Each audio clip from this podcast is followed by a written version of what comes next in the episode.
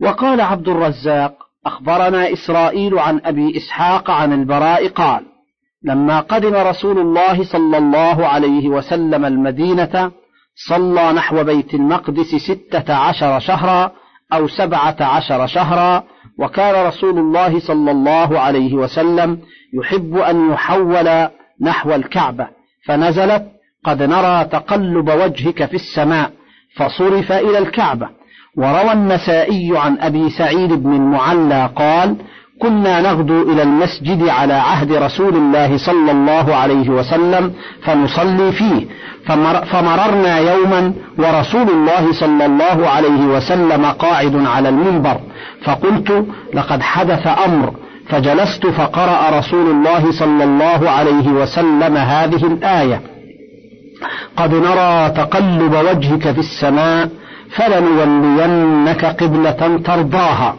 حتى فرغ من الآية فقلت لصاحبي تعال نركع ركعتين قبل أن ينزل رسول الله الله عليه وسلم فنكون أول من صلى فتوارينا فصليناهما.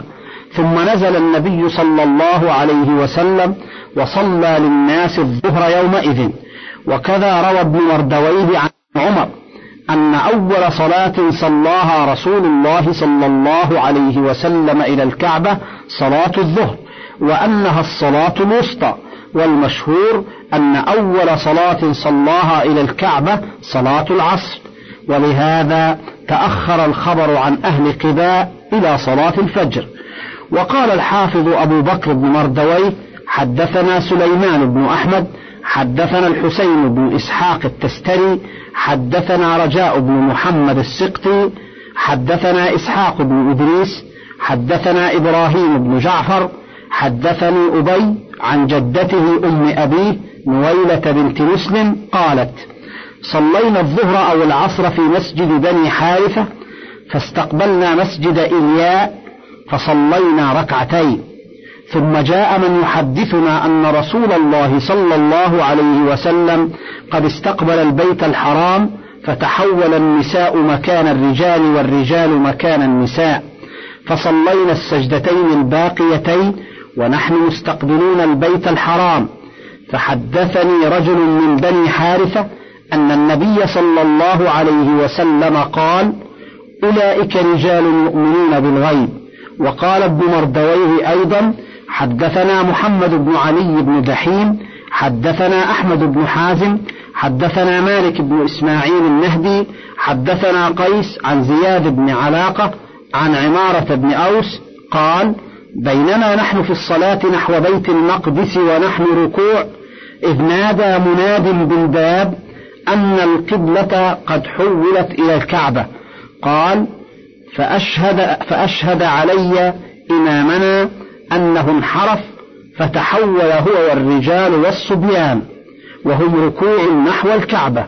وقوله وحيثما كنتم فولوا وجوهكم شطرة أمر تعالى باستقبال الكعبة من جميع جهات الأرض شرقا وغربا وشمالا وجنوبا.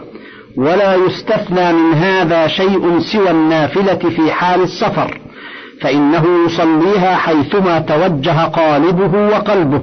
نحو الكعبة. وكذا في حال المسايفة في القتال يصلي على كل حال. وكذا من جهل جهة القبلة يصلي باجتهاده وإن كان مخطئا في نفس الأمر لأن الله تعالى لا يكلف نفسا إلا وسعها. مسألة. وقد استدل المالكية بهذه الآية على أن المصلي ينظر أمامه لا إلى موضع سجوده. كما ذهب إليه الشافعي وأحمد وأبو حنيفة. قال المالكية بقوله فول وجهك شطر المسجد الحرام فلو نظر إلى موضع سجوده لاحتاج أن يتكلف ذلك بنوع من الانحناء وهو ينافي كمال القيام. وقال بعضهم ينظر المصلي في قيامه إلى صدره وقال شريك القاضي ينظر في حال قيامه إلى موضع سجوده كما قال جمهور الجماعة لأنه أبلغ في الخضوع وآكد في الخشوع وقد ورد به الحديث وأما في حال ركوعه فإلى موضع قدميه وفي حال سجوده إلى موضع أنفه وفي حال قعوده إلى حجره. وقوله وإن الذين أوتوا الكتاب ليعلمون أنه الحق من ربهم أي واليهود الذين أنكروا استقبالكم الكعبة وانصرافكم عن بيت المقدس يعلمون أن الله تعالى سيوجهك إليها بما في كتبهم عن أنبيائهم من النعت والصفة لرسول الله صلى الله عليه وسلم وأمته وما خصه الله تعالى به وشرفه من الشريعة الكاملة العظيمة. ولكن أهل الكتاب يتكاكمون ذلك بينهم حسدا وكفرا وعنادا. ولهذا تهددهم تعالى بقوله وما الله بغافل عما يعملون. ولئن أتيت الذين أوتوا الكتاب بكل آية ما تبعوا قبلتك وما أنت بتابع قبلتهم وما بعضهم بتابع قبلة بعض ولئن اتبعت أهواءهم من بعد ما جاءك من العلم إنك إذا لمن الظالمين. يخبر تعالى عن عن كفر اليهود وعنادهم ومخالفتهم ما يعرفونه من شأن رسول الله صلى الله عليه وسلم وأنه لو أقام عليهم كل دليل على صحة ما جاءهم به لما اتبعوه وتركوا أهواءهم كما قال تعالى إن الذين حقت عليهم كلمة ربك لا يؤمنون ولو جاءتهم كل آية حتى يروا العذاب الأليم. ولهذا قال ها هنا ولئن أتيت الذين أوتوا الكتاب بكل آية ما تبعوا قبلتك. وقوله وما أنت بتابع قبلتهم. إخبار عن شدة متابعة الرسول صلى الله عليه وسلم لما أمره الله تعالى به. وأنه كما هم مستمسكون بآرائهم وأهوائهم فهو أيضا مستمسك بأمر الله وطاعته واتباع مرضاته وأنه لا يتبع أهواءهم في جميع أحواله ولا كونه متوجها إلى بيت المقدس لكونها قبلة اليهود وإنما ذلك عن أمر الله تعالى ثم حذر تعالى عن مخالفة الحق الذي يعلمه العالم إلى الهوى فإن العالم الحجة عليه أقوم من غيره؟ ولهذا قال مخاطبا للرسول والمراد به الأمة ولئن اتبعت أهواءهم من بعد ما جاءك من العلم إنك إذا لمن الظالمين. الذين آتيناهم الكتاب يعرفونه كما يعرفون أبناءهم وإن فريقا منهم ليكتمون الحق وهم يعلمون. الحق من ربك فلا تكونن من الممترين. يخبر تعالى أن علماء أهل الكتاب يعرفون صحة ما جاءهم به الرسول صلى الله عليه وسلم كما يعرف أحدهم ولده والعرب كانت تضرب المثل في صحة الشيء بهذا كما جاء في الحديث أن رسول الله صلى الله عليه وسلم قال لرجل معه صغير ابنك هذا قال نعم يا رسول الله أشهد به. قال أما إنه لا يخفى عليك ولا تخفى عليه؟ قال القرطبي ويروى عن عمر أنه قال لعبد الله بن سلام أتعرف محمدا كما تعرف ولدك؟ قال نعم وأكثر نزل نزل الأمين من السماء على الأمين في الأرض بنعته فعرفته وإني لا أدري ما كان من, من أمه. قلت وقد يكون المراد يعرفونه كما يعرفون أبناءهم من بين أبناء الناس كلهم. لا يشك أحد ولا يمتري في معرفة ابنه إذا رآه من أبناء الناس كلهم. ثم أخبر تعالى أنهم مع هذا التحقق والإتقان العلمي ليكتمون الحق أي ليكتمون الناس ما في كتبهم من صفة النبي صلى الله عليه وسلم وهم يعلمون. ثم ثبت تعالى نبيه صلى الله عليه وسلم والمؤمنين وأخبرهم بأن ما جاء به الرسول صلى الله عليه وسلم هو الحق الذي لا مرية فيه ولا شك فقال الحق من ربك فلا تكونن من الممترين. ولكل وجهة هو موليها. فاستبقوا الخيرات أينما تكونوا يأتي بكم الله جميعا. إن الله على كل شيء قدير. قال العوفي عن ابن عباس ولكل وجهة هو موليها يعني بذلك أهل الأديان. يقول لكل قبيلة قبلة يرضونها ووجهة الله حيث توجه المؤمنون. وقال أبو العالية اليهودي وجهة هو موليها وللنصراني وجهة هو موليها وهداكم أنتم أيتها الأمة إلى القبلة التي هي القبلة. وروي عن مجاهد وعطاء والضحاك والربيع بن أنس والسدي نحو هذا. وقال مجاهد في الرواية الأخرى والحسن أمر كل قوم أن يصلوا إلى الكعبة. وقرأ ابن عباس وأبو جعفر الباقر وابن عامر ولكل وجهة هو مولاها. وهذه الآية شبيهة بقوله تعالى لكل جعلنا منكم شرعة ومنهاجا ولو شاء الله لجعلكم أمة واحدة ولكن ليبلوكم فيما آتاكم فاستبقوا الخيرات إلى الله مرجعكم جميعا. وقالها هنا أينما تكونوا يأتي بكم الله جميعا. إن الله على كل شيء قدير. أي هو قادر على جمعكم من الأرض وإن تفرقت أجسادكم وأبدانكم. ومن حيث خرجت فول وجهك شطر المسجد الحرام وإنه للحق من ربك.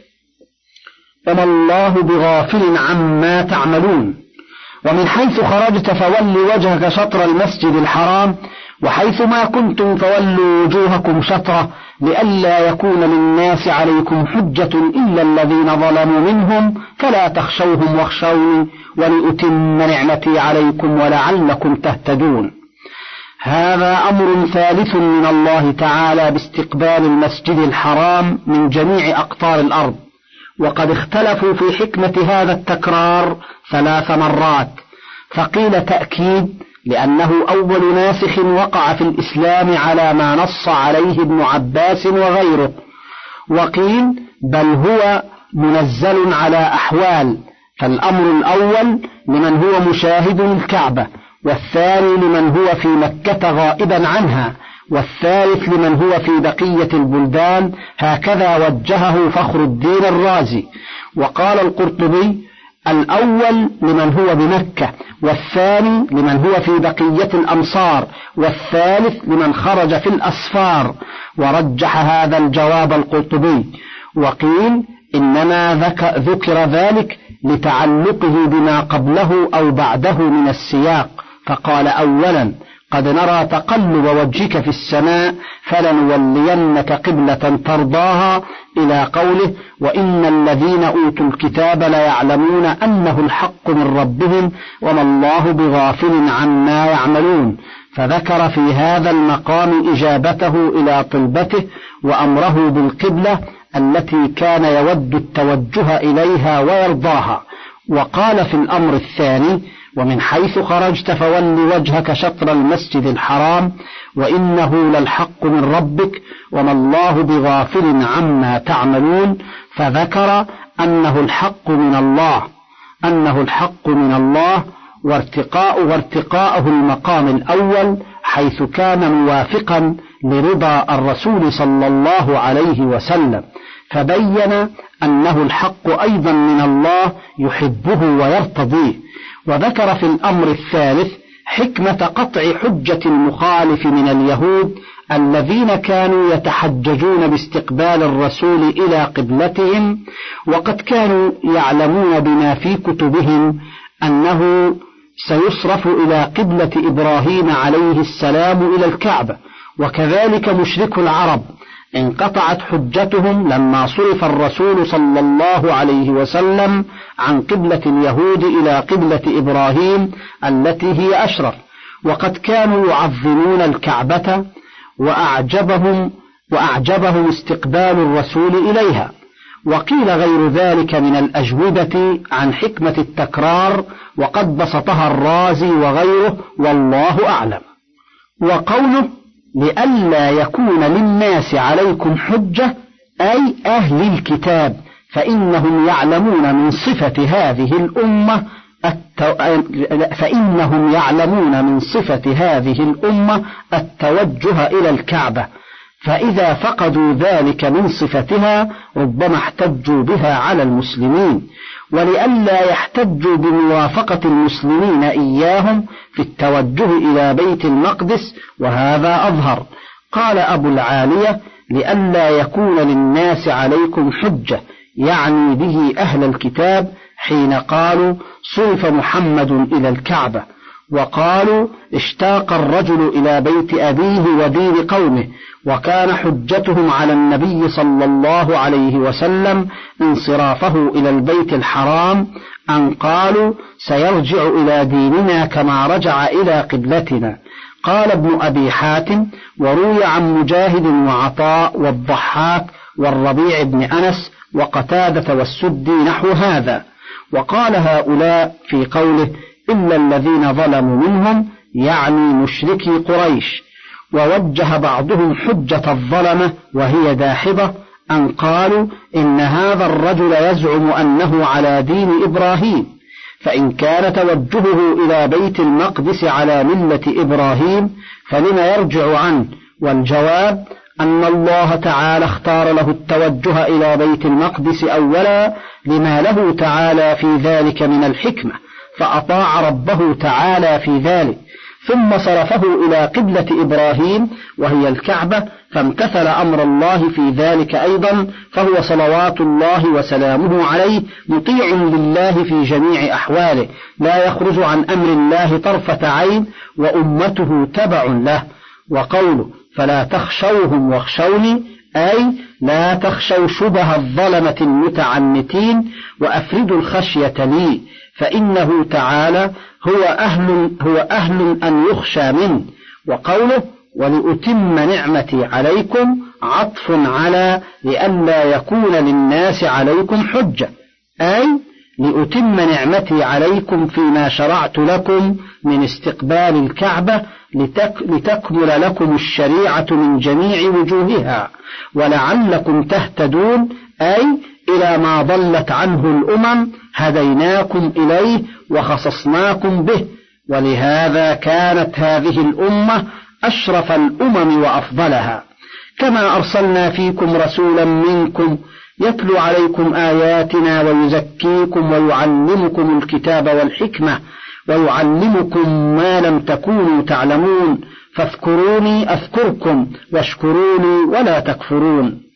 يذكر تعالى عباده المؤمنين ما أنعم به عليهم من بعثة الرسول محمد صلى الله عليه وسلم إليهم يتلو عليهم آيات الله مبينات ويزكيهم أي يطهرهم من رذائل الأخلاق ودرس النفوس وأفعال الجاهلية ويخرجهم من الظلمات إلى النور ويعلمهم الكتاب وهو القرآن والحكمة وهي السنة ويعلمهم ما لم يكونوا يعلمون فكانوا في الجاهلية الجهلاء يسفهون بالعقول الغراء فانتقلوا ببركة رسالته ويمن سفارته إلى حال الأولياء وسجايا العلماء فصاروا أعمق الناس علما وأبرهم قلوبا وأقلهم تكلفا وأصدقهم لهجة.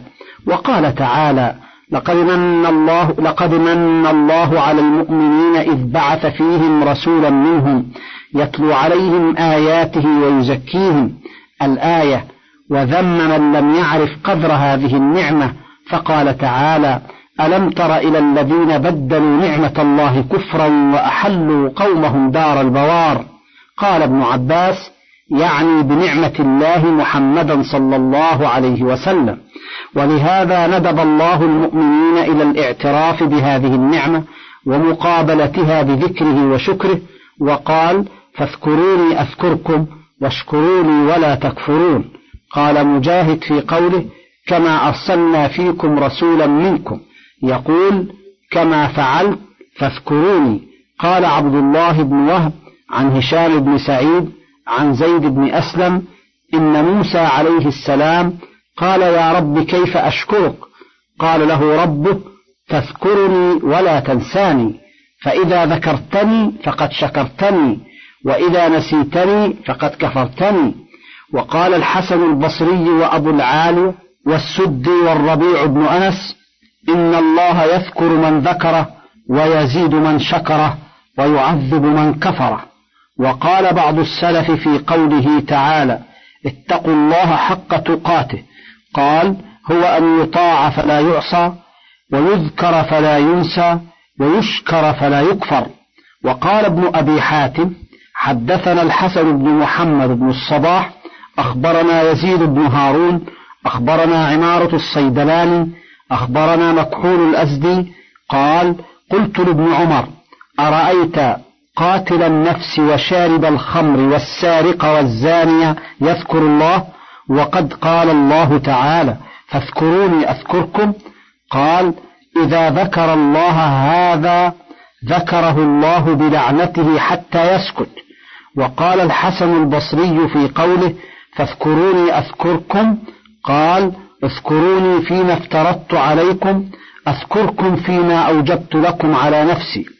وعن سعيد بن جبير اذكروني بطاعتي أذكركم بمغفرتي وفي رواية برحمتي.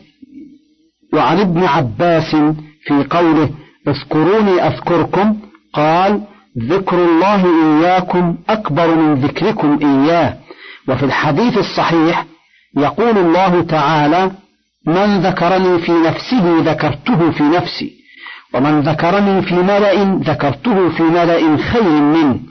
قال الإمام أحمد حدثنا عبد الرزاق أخبرنا معمر عن قتادة عن أنس قال قال رسول الله صلى الله عليه وسلم قال الله عز وجل يا ابن آدم إن ذكرتني في نفسك ذكرتك في نفسي وإن ذكرتني في ملأ ذكرتك في ملأ من الملائكة أو قال في ملأ خير منه. وإن دنوت مني شبرا دنوت منك ذراعا. وإن دنوت مني ذراعا دنوت منك باعا. وإن أتيتني تمشي أتيتك هرولا صحيح الإسناد أخرجه البخاري من حديث قتادة. وعنده قال قتادة الله أقرب بالرحمة. وقوله واشكروني ولا تكفرون. أمر الله تعالى بشكره. ووعد على شكره بمزيد الخير فقال وإذ تأذن ربكم لئن شكرتم لأزيدنكم ولئن كفرتم إن عذابي لشديد. وقال الإمام أحمد حدثنا روح حدثنا شعبة شعبة عن الفضيل بن فضالة رجل من قيس حدثنا أبو رجاء العطاردي قال خرج علينا عمران بن حصين وعليه مطرف من خز لم نره عليه قبل ذلك ولا بعده. فقال إن رسول الله صلى الله عليه وسلم قال من أنعم الله عليه نعمة فإن الله يحب أن يرى أثر نعمته على خلقه. وقال روح مرة على عبده يا أيها الذين آمنوا استعينوا بالصبر والصلاة إن الله مع الصابرين. ولا تقولوا لمن يقتل في سبيل الله أموات بل أحياء ولكن لا تشعرون. لما فرغ تعالى من بيان الأمر بالشكر شرع في بيان الصبر والإرشاد والاستعانة بالصبر والصلاة فإن العبد إما أن يكون في نعمة فيشكر عليها أو في نقمة فيصبر عليها كما جاء في الحديث عجبا للمؤمن لا يقضي الله له قضاء إلا كان خيرا له. إن أصابته سراء فشكر كان خيرا له. وإن أصابته ضراء فصبر كان خيرا له. وبين تعالى أن أجود ما يستعان به على تحمل المصائب الصبر والصلاة كما تقدم في قوله واستعينوا بالصبر والصلاة وإنها لكبيرة إلا على الخاشعين. وفي الحديث أن رسول الله صلى الله عليه وسلم كان إذا حزبه أمر صلى والصبر صبران فصبر على ترك المحارم والمآثم وصبر على فعل الطاعات والقربات والثاني أكثر ثوابا لأنه المقصود وأما الصبر الثالث وهو الصبر على المصائب والنوائب فذاك أيضا واجب كالاستغفار من المعايب. كما قال عبد الرحمن بن زيد بن أسلم الصبر في بابين الصبر لله بما أحب وإن ثقل على الأنفس والأبدان والصبر لله عما كره وإن نازعت إليه الأهواء فمن كان هكذا فهو من الصابرين الذين يسلم عليهم إن شاء الله. وقال علي بن الحسين زين العابدين إذا جمع الله الأولين والآخرين ينادي مناد أين الصابرون ليدخلوا الجنة قبل الحساب؟ قال فيقوم عنق من الناس فتتلقاهم الملائكة فيقولون إلى أين يا بني آدم؟ فيقولون إلى الجنة فيقولون قبل الحساب؟ قالوا نعم. قالوا ومن أنتم؟ قالوا نحن الصابرون. قالوا وما كان صبركم؟ قالوا صبرنا على طاعة الله وصبرنا عن معصية الله حتى توفانا الله. قالوا أنتم كما قلتم ادخلوا الجنة فنعم أجر العاملين. قلت ويشهد لهذا قوله تعالى إنما يوفى الصابرون أجرهم بغير حساب.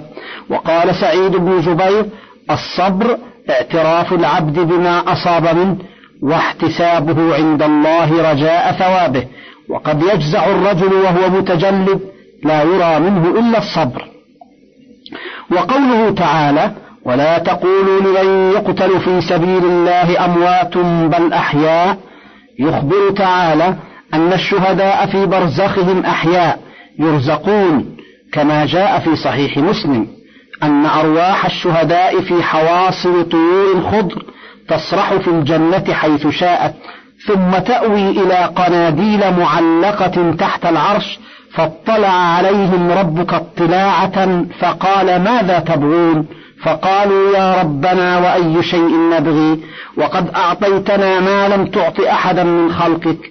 ثم عاد عليهم بمثل هذا فلما رأوا أنهم لا يتركون من أن يسألوا قالوا نريد أن تردنا إلى الدار الدنيا فنقاتل في سبيلك حتى نقتل فيك مرة أخرى. لما يرون من ثواب الشهادة فيقول الرب جل جلاله إني كتبت أنهم إليها لا يرجعون.